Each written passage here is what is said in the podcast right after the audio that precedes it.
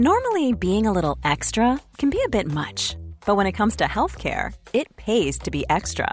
And United Healthcare makes it easy with Health Protector Guard fixed indemnity insurance plans. Underwritten by Golden Rule Insurance Company, they supplement your primary plan, helping you manage out of pocket costs without the usual requirements and restrictions like deductibles and enrollment periods. So when it comes to covering your medical bills, you can feel good about being a little extra. Visit uh1.com to find the Health Protector Guard plan for you. Here's a cool fact a crocodile can't stick out its tongue. Another cool fact you can get short term health insurance for a month or just under a year in some states. United Healthcare short term insurance plans are designed for people who are between jobs, coming off their parents' plan, or turning a side hustle into a full time gig. Underwritten by Golden Rule Insurance Company, they offer flexible, budget friendly coverage with access to a nationwide network of doctors and hospitals. Get more cool facts about United Healthcare short term plans at uh1.com. Hey there, it's Michelle Norris. I'm host of a podcast called Your Mama's Kitchen. When I travel, I'm usually looking for a way to find a taste of home when I'm not at home. And one of the things I love to do when I am at home is entertain. And Airbnb allows me to do that. When I was in California recently, I rented a house that had a great kitchen. And when we were sitting around the table, we're all thinking, we're in someone else's house. Someone could be in all of our homes as well. If you have a home, but you're not always at home, you have an Airbnb. Your home might be worth more than you think.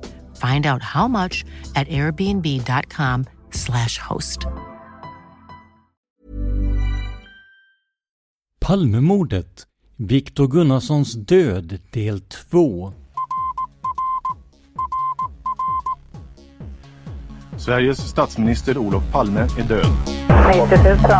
Ja, det är mord på Sveavägen. Hörde de säger att det är Palme som är skjuten. Mordvapnet med säkerhet är en Smith Wesson, en revolver kaliber .357. Inte ett svar. Finns inte ett svar. För jag har inget. Och jag har inte varit Varför skulle jag Polisen söker en man i 35 till 40-årsåldern med mörkt hår och lång mörk rock. Välkomna till podden Palmemordet som idag görs av mig, Tobias Henriksson på PRS Media. Vill ni veta allt om till exempel polisspåret, Sydafrikaspåret och eh, Christer Pettersson? Bara för att nämna några. Med hjälp av er lyssnare har vi kunnat ge ut podden varje vecka sedan starten, utan uppehåll. Och vi har fortfarande många stora spår kvar. Om du vill hjälpa oss i vårt arbete får du gärna stötta oss via patreon.com palmemordet Alltså patreon.com palmemordet. Där kan du donera en summa som podden får per publicerat avsnitt. Om ni tycker att Patreon är jättekrångligt så går det också att donera via Swish. Kontakta oss i privat meddelande på facebook.com palmemordet så får du numret. I förra avsnittet pratade vi om hur Viktor Gunnarsson dog och kunde konstatera att en person erkände mordet i förhör med polisen i North Carolina. Men som ni vet vid det här laget var det inte den personen, Brandon Shelton, som dömdes för mordet. Det var istället Lamont Claxton, eller LC, Underwood, som hamnade bakom lås och bom för den brutala avrättningen. Men vem var han?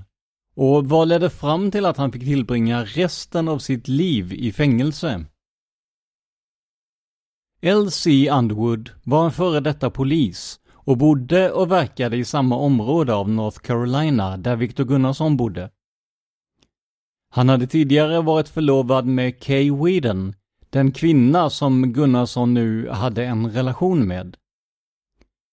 Som ni hörde i förra avsnittet var relationen mellan Underwood och Whedon inte helt okomplicerad. Bland annat hade han hällt ett glas iste över Whedon när hon satt på en restaurang med Gunnarsson. Men som hon själv sa, relationen till Underwood hade förbättrats sedan dess och hon kände sig inte på något sätt hotad av honom längre. Men som så ofta förr kollar man på före detta partners eller rivaler när någon mördats. Och Underwood hade faktiskt en del saker som talade emot honom. Bland annat vägrade han att låta sig förhöras om händelsen enligt dokumentären Forensic Files to the Victor. Hans beteende under dagarna kring Gunnarssons försvinnande fick också utredarna att höja på ögonbrynen. Bland annat hade han ringt en före detta kollega på polisen och bett honom kolla upp bilnumret DPW 7098. Den här bilen var en fyradörrars Lincoln från 1979. Dess registrerade ägare var ingen mindre än Viktor Gunnarsson. Bara timmar efter att Underwood gjort den här kontrollen var Gunnarsson död. Utredarna i North Carolina trodde inte på slumpen och ville kolla närmare på Underwood. Som vi nämnde i förra avsnittet dog både Kay Whedens nya pojkvän, alltså Gunnarsson, och hennes mamma strax efter att förhållandet med Underwood tagit slut.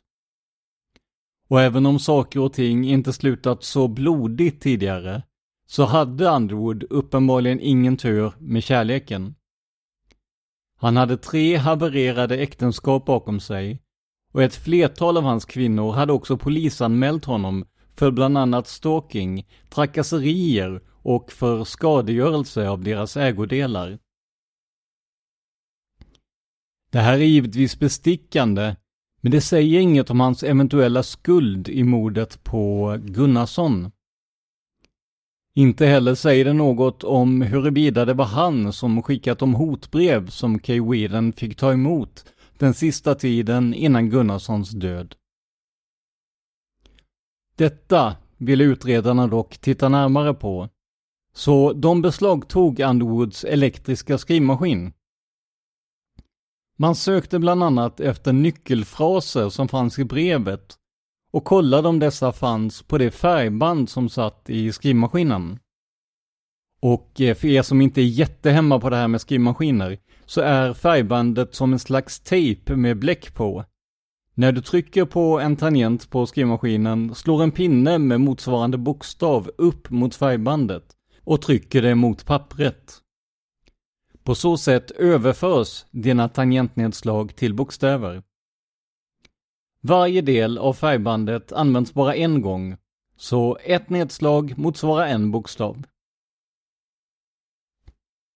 En av nyckelfraserna som man hittade både i brevet och på färgbandet var “Roses are red”.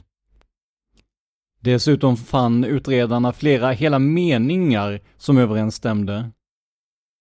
Detta tydde såklart på att brevet författats på den skrivmaskinen. Och i och med att skrivmaskinen var Underwoods är det troligt att det var han som hade författat dem. Även om man inte kunde bevisa det vid den här undersökningen. I och med att man konstaterat att skrivmaskinen användes för att skriva hotbreven så fanns det nu tillräckliga skäl för en husrannsakan hos L.C. Underwood. Till en början hittade man inget hos den nästintill sjukligt pedantiska ex-polisen. Men efter att ha tittat bakom hans tvättmaskin såg man att ett rör hade tätats eller fästs med svart eltejp. Och eh, som ni kommer ihåg från förra avsnittet var det just svart eltejp som hittades intill Gunnarssons lik. Kunde det här peka på att Underwood var inblandad? Ja, det menar i alla fall John Benger, som var kriminaltekniker i utredningen. När man förstorade Underwoods tejpremsa 50 gånger visade den stora likheter med den som hittades på fyndplatsen, bland annat vad gäller tjocklek och bredd. Med hjälp av infraröd teknik kunde man konstatera att tejpen kring Gunnarsson och tejpen som fanns i Underwoods hem reflekterade exakt lika mycket ljus vilket visar att de är av samma sammansättning. Med hjälp av den kunskapen kunde man också konstatera att tejperna var av samma märke och att det var troligt att de två olika bitarna kom från samma rulle. Men om Underwood transporterade ett lik i sin bil så borde det finnas spår där, tyckte utredarna. Problemet var bara att han, dagar efter mordet på Gunnarsson, hade tagit båda sina bilar till biltvätten Sams Car Wash och begärt att få hela paketet. Vilket innebar invändig och utvändig tvätt och dammsugning av alla innerutrymmen i bilen. Det här var dåliga nyheter för utredarna. Men man genomsökte ändå fordonen när Underwood blev intressant någon månad senare. Bilmattan som låg i bagageutrymmet var helt ren. Med hjälp av tejp försökte kriminalteknikerna fånga upp eventuella fibrer som dammsugaren inte fått med. Man trodde inte så mycket på att det skulle lyckas, men gjorde ändå ett försök. Och envisheten gav resultat. Långt nere bland mattfibrerna hittade man totalt 16 hårstrån som plockades upp med pincett. Inget av dem hade roten kvar, så att DNA-testa dem skulle vara svårt, om inte omöjligt.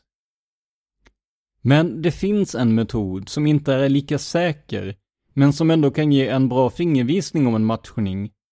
Det kallas mitokondrie-DNA. Med hjälp av den metoden kan man få vissa karaktäristika för personen som bar till exempel hårstrået. Men det är ingen unik identifiering av en individ som vanligt DNA-test. Man måste alltså komplettera det här resultatet med till exempel andra tekniska fynd eller liknande.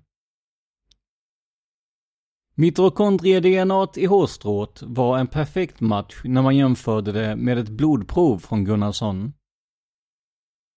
Men det här är inte så utslagsgivande som det låter. Det enda DNA-analysen säger om ärendet är att man inte kan utesluta att hårstråna kommer från Gunnarsson. Och eh, som vi kommer att se senare i avsnittet råder det en hel del olika uppfattningar om hur och när hårstråna hittades. Men som sagt, vi återkommer till det.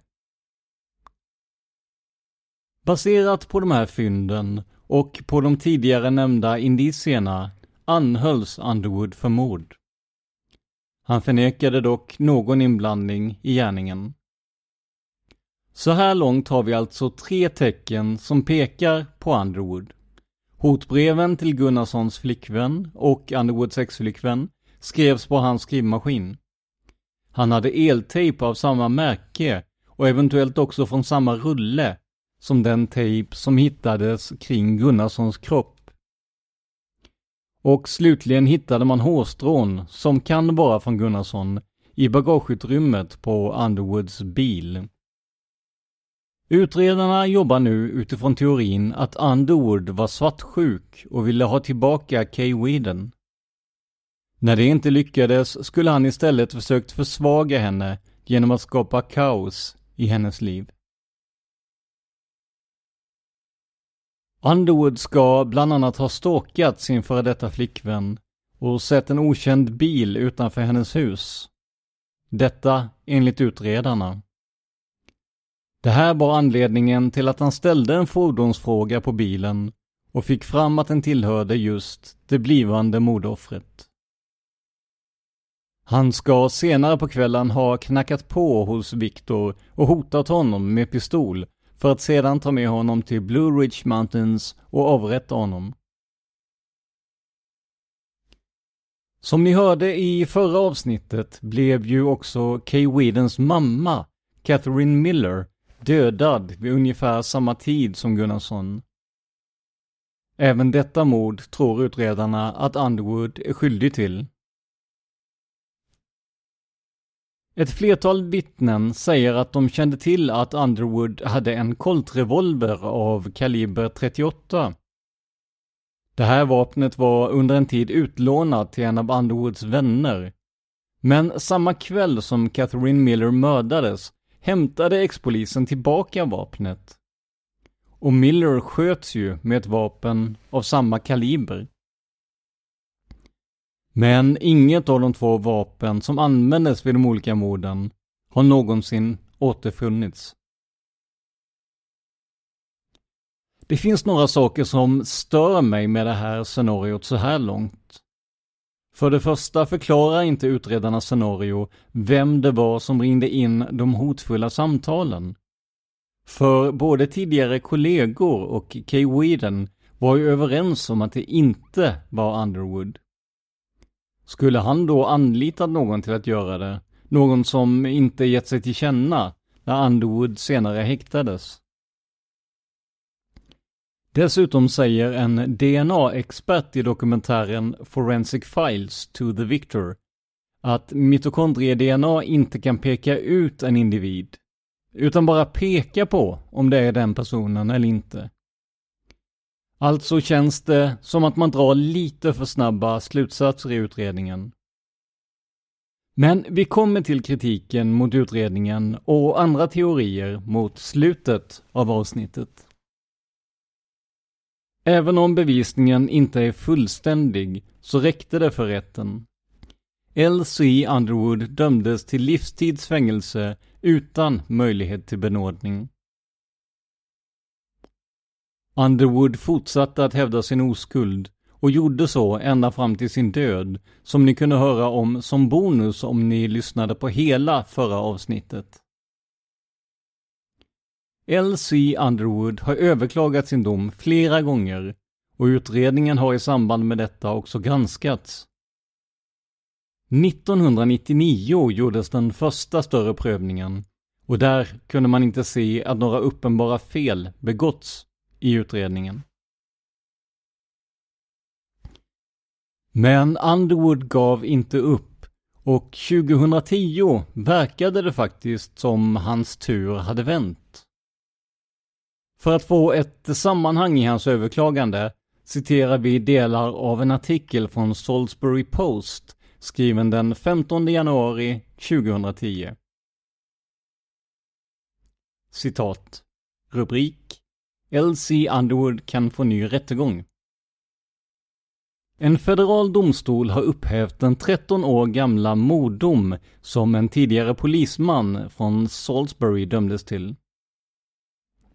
The Fourth Circuit Court of Appeals i Richmond har beordrat att L.C. Underwood ska få en ny rättegång eller släppas ur fängelset inom 180 dagar. The Fourth Circuit Court kom fram till att Underwood hade ett ineffektivt försvar. De ifrågasatte försvarsadvokaternas strategi och konstaterade att den inte var sund. Lamont Claxton Underwood känd som LC, dömdes 1997 i Watauga Countys högsta domstol för mordet och kidnappningen av Viktor Gunnarsson 1993. Gunnarsson var en 40-årig svensk medborgare som bodde i Lakewood-lägenheterna vid Statesville Boulevard. Rättegången fick internationell uppmärksamhet eftersom Gunnarsson hade varit misstänkt men senare friats för mordet på Sveriges statsminister Olof Palme 1986. Underwood som nu, alltså 2010, är 58 år avtjänar ett straff på livstid plus 40 år. Åklagarna hävdade att Underwood var avundsjuk på Gunnarsson eftersom han hade en romans med Underwoods tidigare flickvän Kay Whedon. The Fourth Circuit Courts utlåtande kom den 23 december 2009 och de hävdade att målet inte hanterats korrekt på flera punkter. Bland annat säger man att citat försvarsadvokaterna skar i stort sett dödligt sår i sitt egna försvar. Slutcitat från domen och vi fortsätter citera Salisbury Post. I den 27-sidiga inlagan citerade rätten flitigt försvarsadvokaternas öppningsanförande, där de lovade juryn följande. De hade ett erkännande från en annan person som sa sig ha mördat Gunnarsson. Att ett annat vittne såg en annan person utanför Millers hus vid tiden för mordet och att en fantombild som gjorts inte alls såg ut som Underwood. att ett ögonvittne såg någon i närheten av där Gunnarssons kropp hittades. När den personen såg Underwood i en konfrontation med sex andra män sa han till utredarna att personen han såg inte fanns med. När staterna var klara med sina anföranden la försvaret inte fram några som helst bevisföremål. En åklagare gick sedan igenom listan med löften från försvaret och frågade vad de utlovade bevisen och vittnena var. Rätten konstaterar att försvaret var ologiskt och orimligt och att de misslyckades med att presentera och förklara sina ståndpunkter. Där slutar vi citera Salisbury Post. Sedan fortsätter texten med en kort sammanställning av de försök att få en ny rättegång som Underwood gjort. Det innefattar en inlaga 2001 där han hävdar att hans försvar inte skötte sig. 2004 fick han avslag på ärendet. Och inte heller 2010 blev det någon förändring för L.C. Underwood. Han nekades en ny rättegång och satt i fängelse fram till sin död. Men är vi säkra på att Gunnarsson mördades av Underwood? Det finns ju en person som erkänt, men där man inte kunnat bevisa hans skuld. Sedan finns det den direkta motsatsen, där skulden anses bevisad, men där man aldrig fick något erkännande. Journalisten och författaren Anders Leopold, som tidigare intervjuats i podden, är kritisk till att Underwood dömdes. Vi ska titta närmare på hans argumentering. Så här skriver Leopold om ärendet på sin hemsida Leopold Report. Citat. Vid en undersökning av Underwoods två bilar vid dennes bostad tog SBI-agenten John Bandura hand om mattan i bagageluckan till Underwoods Chevrolet Monte Carlo 1979. Han tog också prover från båda bilarna och från Underwoods bostad. När Bandura återvände till SBI-laboratoriet med mattan, som inte var mer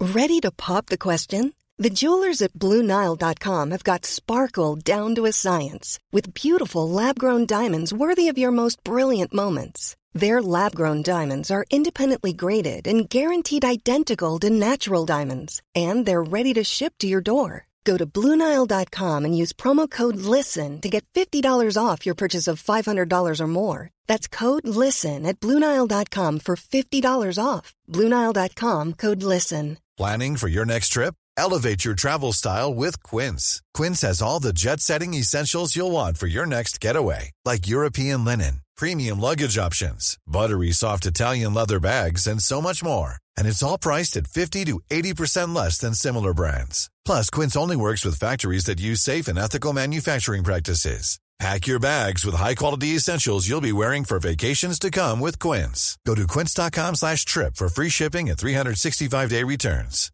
I'm Sandra, and I'm just the professional your small business was looking for. But you didn't hire me because you didn't use LinkedIn jobs. LinkedIn has professionals you can't find anywhere else, including those who aren't actively looking for a new job but might be open to the perfect role, like me. In a given month, over 70% of LinkedIn users don't visit other leading job sites. So if you're not looking on LinkedIn, you'll miss out on great candidates like Sandra. Start hiring professionals like a professional. Post your free job on linkedin.com/people today. Två centimeter tjock gjorde han först bara en visuell kontroll av denna. Senare undersökte han den metodiskt med hjälp av tejp utan att finna några hårstrån. Bandura vittnade om i rättegången att han från den 2 februari 1994 till 8 oktober 1995 upprepade sin undersökning av mattan enligt Pristina-laboratoriets testregler minst sex gånger utan att hitta några hårstrån. Bandura vittnade i rättegången att han den 8 oktober 1995 avslutat sin undersökning av mattan från bagageluckan i Underwoods Monte Carlo. Han höll på att placera den i en bevispåse när han av en händelse såg hårstrån på mattan. När han tittade närmare fann han hårstrån som han plockade bort med en pincett. 17 stycken. Han vittnade om att han tyckte att det var mycket märkligt att plötsligt finna hårstrån på den matta han undersökt så noga under så lång tid utan att finna ett enda hårstrå eller något annat av bevisvärde. Han vittnade också om att alla de 17 hårstråna fanns inom en liten cirkel med 3 decimeters diameter. Anders Leopold skriver vidare.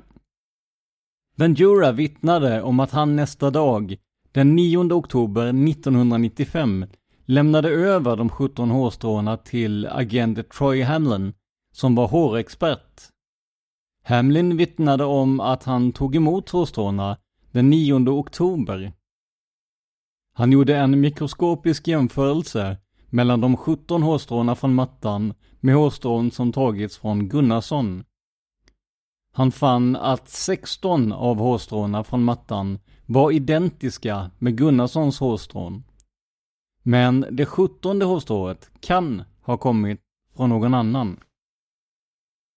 Agent Hamlin vittnade i rättegången om att det tagits prover på mordplatsen från området under Gunnarssons huvud.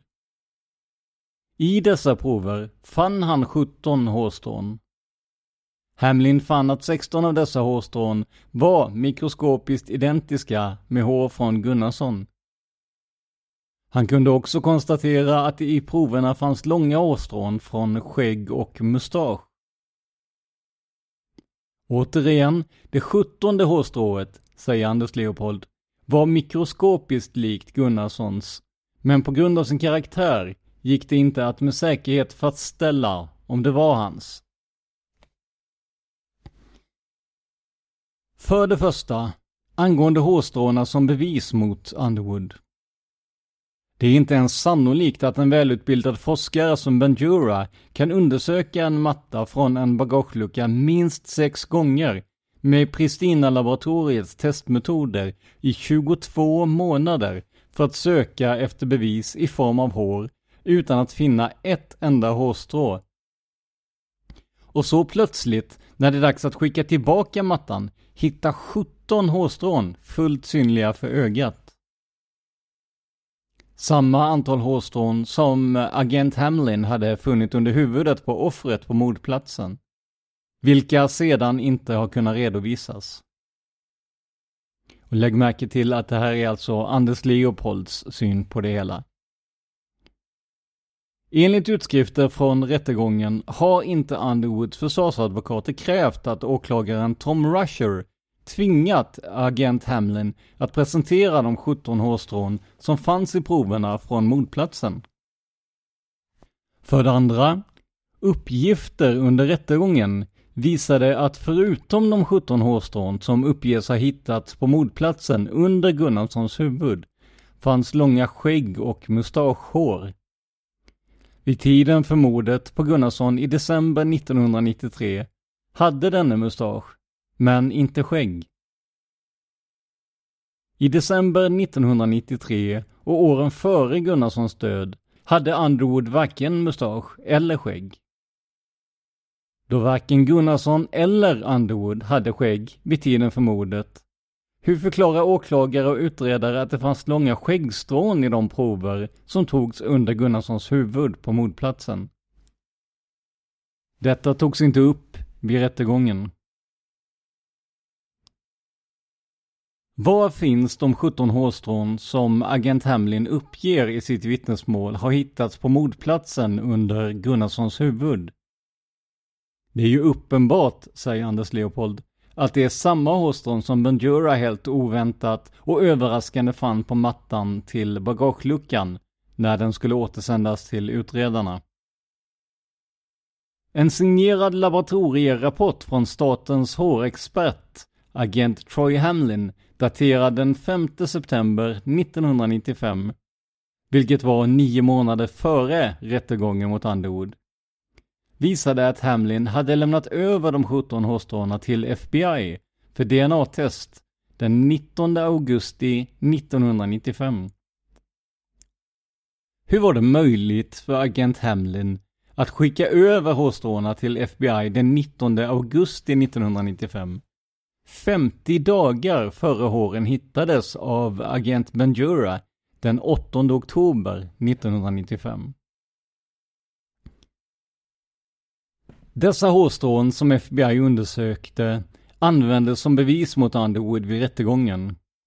Men om datum stämmer måste det ha varit de 17 hårstrån som hittades på mordplatsen som sändes till FBI och sedan hittades på mattan i bagageluckan.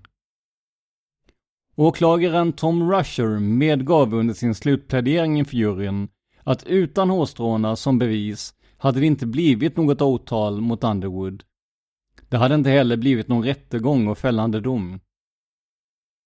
Det är lätt att hålla med honom. Utan hårstråna som bevis hade inte en oskyldig man dömts till livstid plus 40 års fängelse för ett brott han inte begått. Och notera att vi fortfarande citerar Anders Leopold, det är alltså hans åsikter om vem som är skyldig eller inte som vi redogör för. Därför måste den fullständigt osannolika cirkusen kring dessa hårstrån utredas i samband med ny rättegång. Hårstråna från mordplatsen har försvunnit och återfunnits placerade på Underwoods matta. Även om den eller de som gjort sig skyldiga till detta brott inte kan avslöjas är det tillräckligt för att omedelbart försätta Underwood, som nu avtjänat tio år av sitt straff, på fri fot. En sak är helt klar i det här målet, fortsätter Anders Leopold. En av de ledande mordutredarna, Terry Anger på Rowan County Sheriff's Office, vittnade om att det inte finns några fysiska bevis, såsom hår, fibrer eller fingeravtryck, som placerar Underwood i Gunnarssons lägenhet och knyter honom till mordet. Agner sa också i sitt vittnesmål att i utredningen inte finns något bevis på att Underwood någon gång träffat eller sett Gunnarsson. Och där slutar vi citera Anders Leopold. Så vad har vi egentligen när vi tittar på hela fallet? Med risk för att plagiera upplägget till min andra podd, Tänk om, så tänkte jag att vi skulle försöka se vad som är mest logiskt av de två alternativa mördarna. På minussidan för Underwood finns såklart hans omvittnade svartsjuka, de anmälningar som tidigare flickvänner gjort mot honom, samt det faktum att hårstrån från Gunnarsson hittades i hans bagage. Dessutom kan vi konstatera att Underwood med hjälp av tidigare kollegor inom polisen kollade upp Gunnarsson via bildregistret. Att hotbreven skrevs från hans skrivmaskin talar ju inte heller till hans fördel. Men å andra sidan, Underwood är inte dömd för våldsbrott tidigare. Tvärtom har han jobbat som en lagens väktare i många år. Kay Whedon, hans exflickvän, kände sig inte hotad av honom och sa att deras relation förbättrats. På den motsatta sidan har vi Brandon Shelton, som erkände att han mördat Gunnarsson och som kunde ge specifika detaljer om brottet. Vem är mest trovärdig som mördare? En högst personlig åsikt är att det mesta trots allt talar för att Underwood är skyldig. Men det kan man ju inte veta med säkerhet eftersom den alternativa gärningsmannen inte utreddes ordentligt efter att man fått tag på Underwood. Om Anders Leopolds teorier om hårstråna stämmer så innebär det att minst en person inom den dömdes tidigare yrkeskår har manipulerat bevis för att sätta dit en oskyldig. Jag tycker att det känns långsökt. Borde det inte tvärtom vara så att man värnar mer om sina egna? Men vad säger ni som lyssnar? Är ni övertygade om att Underwood mördade Gunnarsson? Gå in på facebook.com palmemordet och säg er åsikt.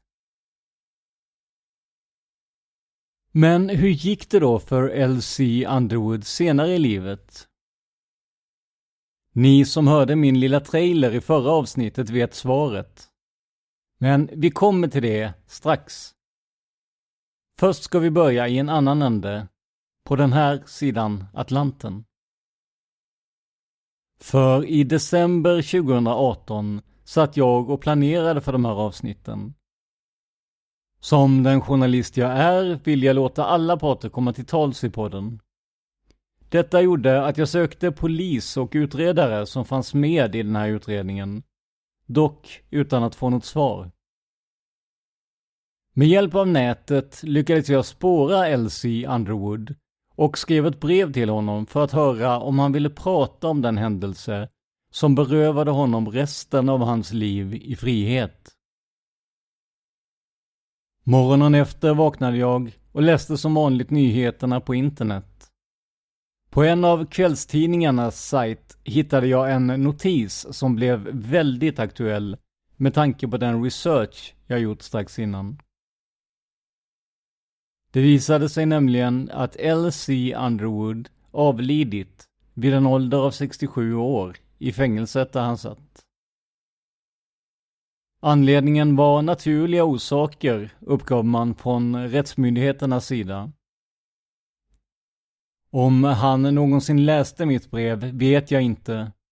Men det troligaste är att han hann gå bort innan det kom fram. Fram till sin död vidhöll Lamont Claxton Underwood att han var oskyldig.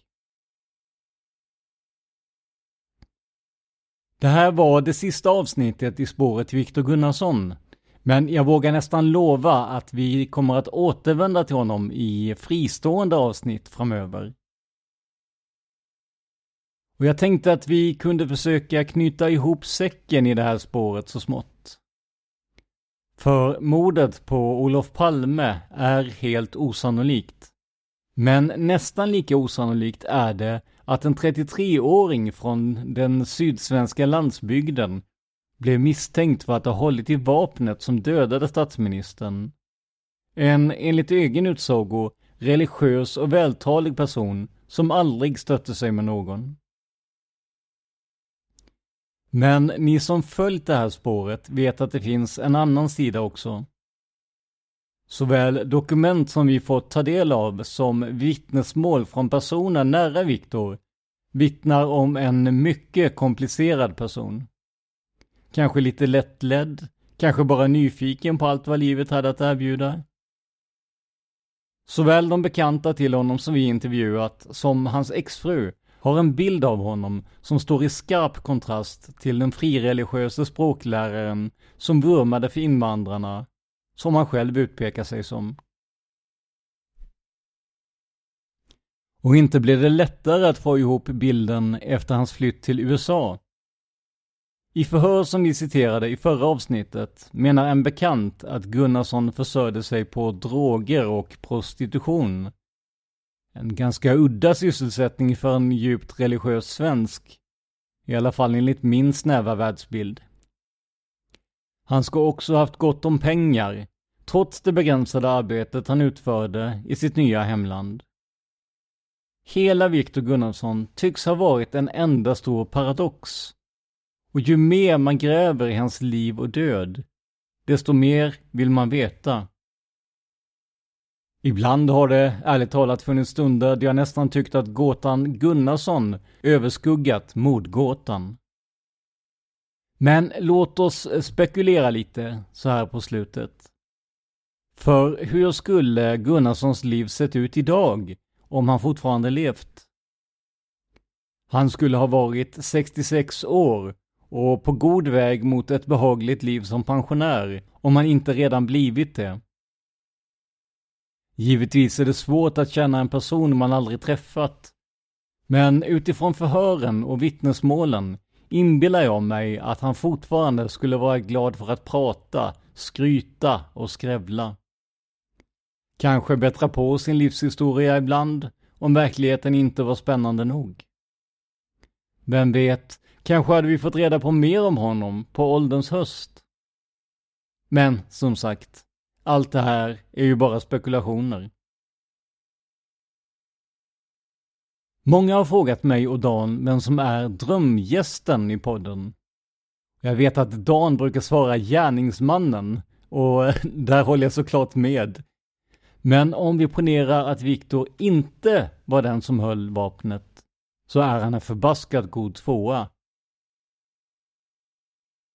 Jag tror att vi utan problem hade kunnat få ihop minst lika mycket material som till exempel maratonförhöret. Bara genom att sätta Gunnarsson vid en mick och be honom berätta om sitt liv. Och det hade verkligen varit guld. För det är så mycket vi fortfarande inte vet.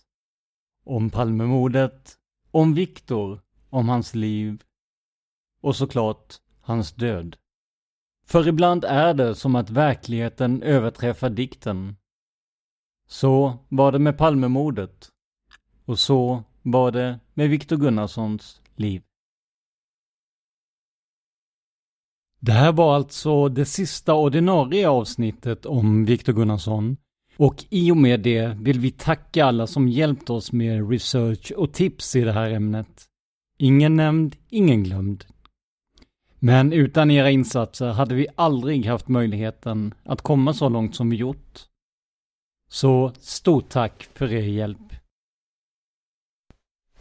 Nu vill vi veta vad ni tycker om det här spåret. Ge oss feedback, kritik eller beröm på facebook.com palmemodet.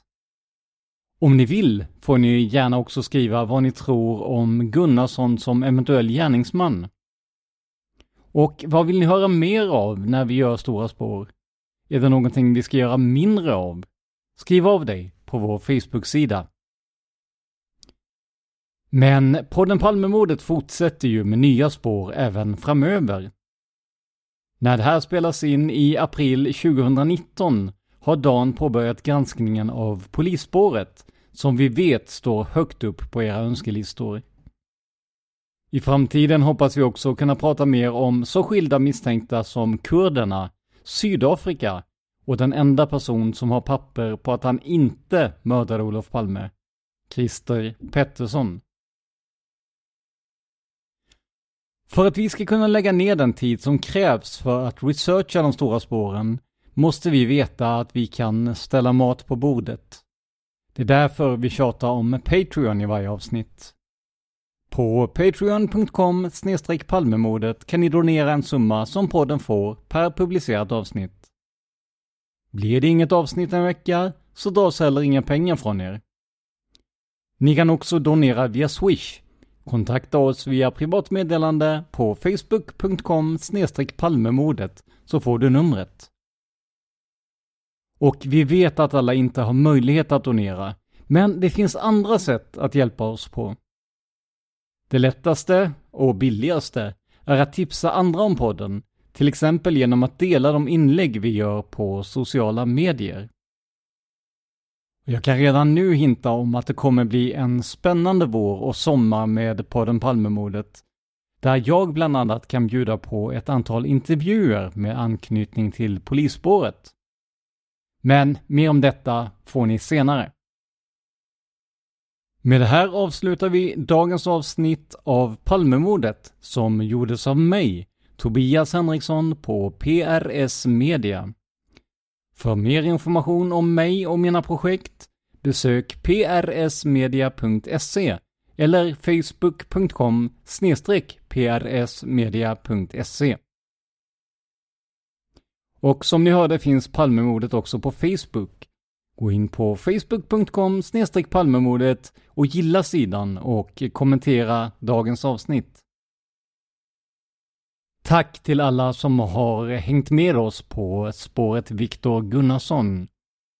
Och stort tack för att ni lyssnar på podden Palmemordet. Man hittar Palmes mördare om man följer PKK-spåret till botten. Därför att ända sedan Julius Caesars tid har jag aldrig hört talas om ett mord på en framstående politiker som inte haft politiska skäl. Polisens och åklagarens teori var att han ensam hade skjutit Olof Palme. Och det ledde också till rättegång. Men han frikändes i hovrätten. Nu ska vi ut och röva, Stråtiga. Vi ska ut och röva. Even on a budget, quality is non-negotiable. That's why Quince is the place to score high-end essentials at 50 to 80% less than similar brands. Get your hands on buttery soft cashmere sweaters from just 60 bucks, Italian leather jackets, and so much more. And the best part about Quince, they exclusively partner with factories committed to safe, ethical, and responsible manufacturing. Elevate your style without the elevated price tag with Quince. Go to quince.com slash upgrade for free shipping and 365-day returns. A lot can happen in the next three years. Like a chatbot may be your new best friend. But what won't change? Needing health insurance. United Healthcare Tri Term Medical Plans are available for these changing times. Underwritten by Golden Rule Insurance Company, they offer budget friendly, flexible coverage for people who are in between jobs or missed open enrollment. The plans last nearly three years in some states, with access to a nationwide network of doctors and hospitals. So, for whatever tomorrow brings, United Healthcare Tri Term Medical Plans may be for you. Learn more at uh1.com. Planning for your next trip? Elevate your travel style with Quince. Quince has all the jet setting essentials you'll want for your next getaway, like European linen, premium luggage options, buttery soft Italian leather bags, and so much more. And is all priced at 50 to 80% less than similar brands. Plus, Quince only works with factories that use safe and ethical manufacturing practices. Pack your bags with high-quality essentials you'll be wearing for vacations to come with Quince. Go to quince.com/pack for free shipping and 365-day returns.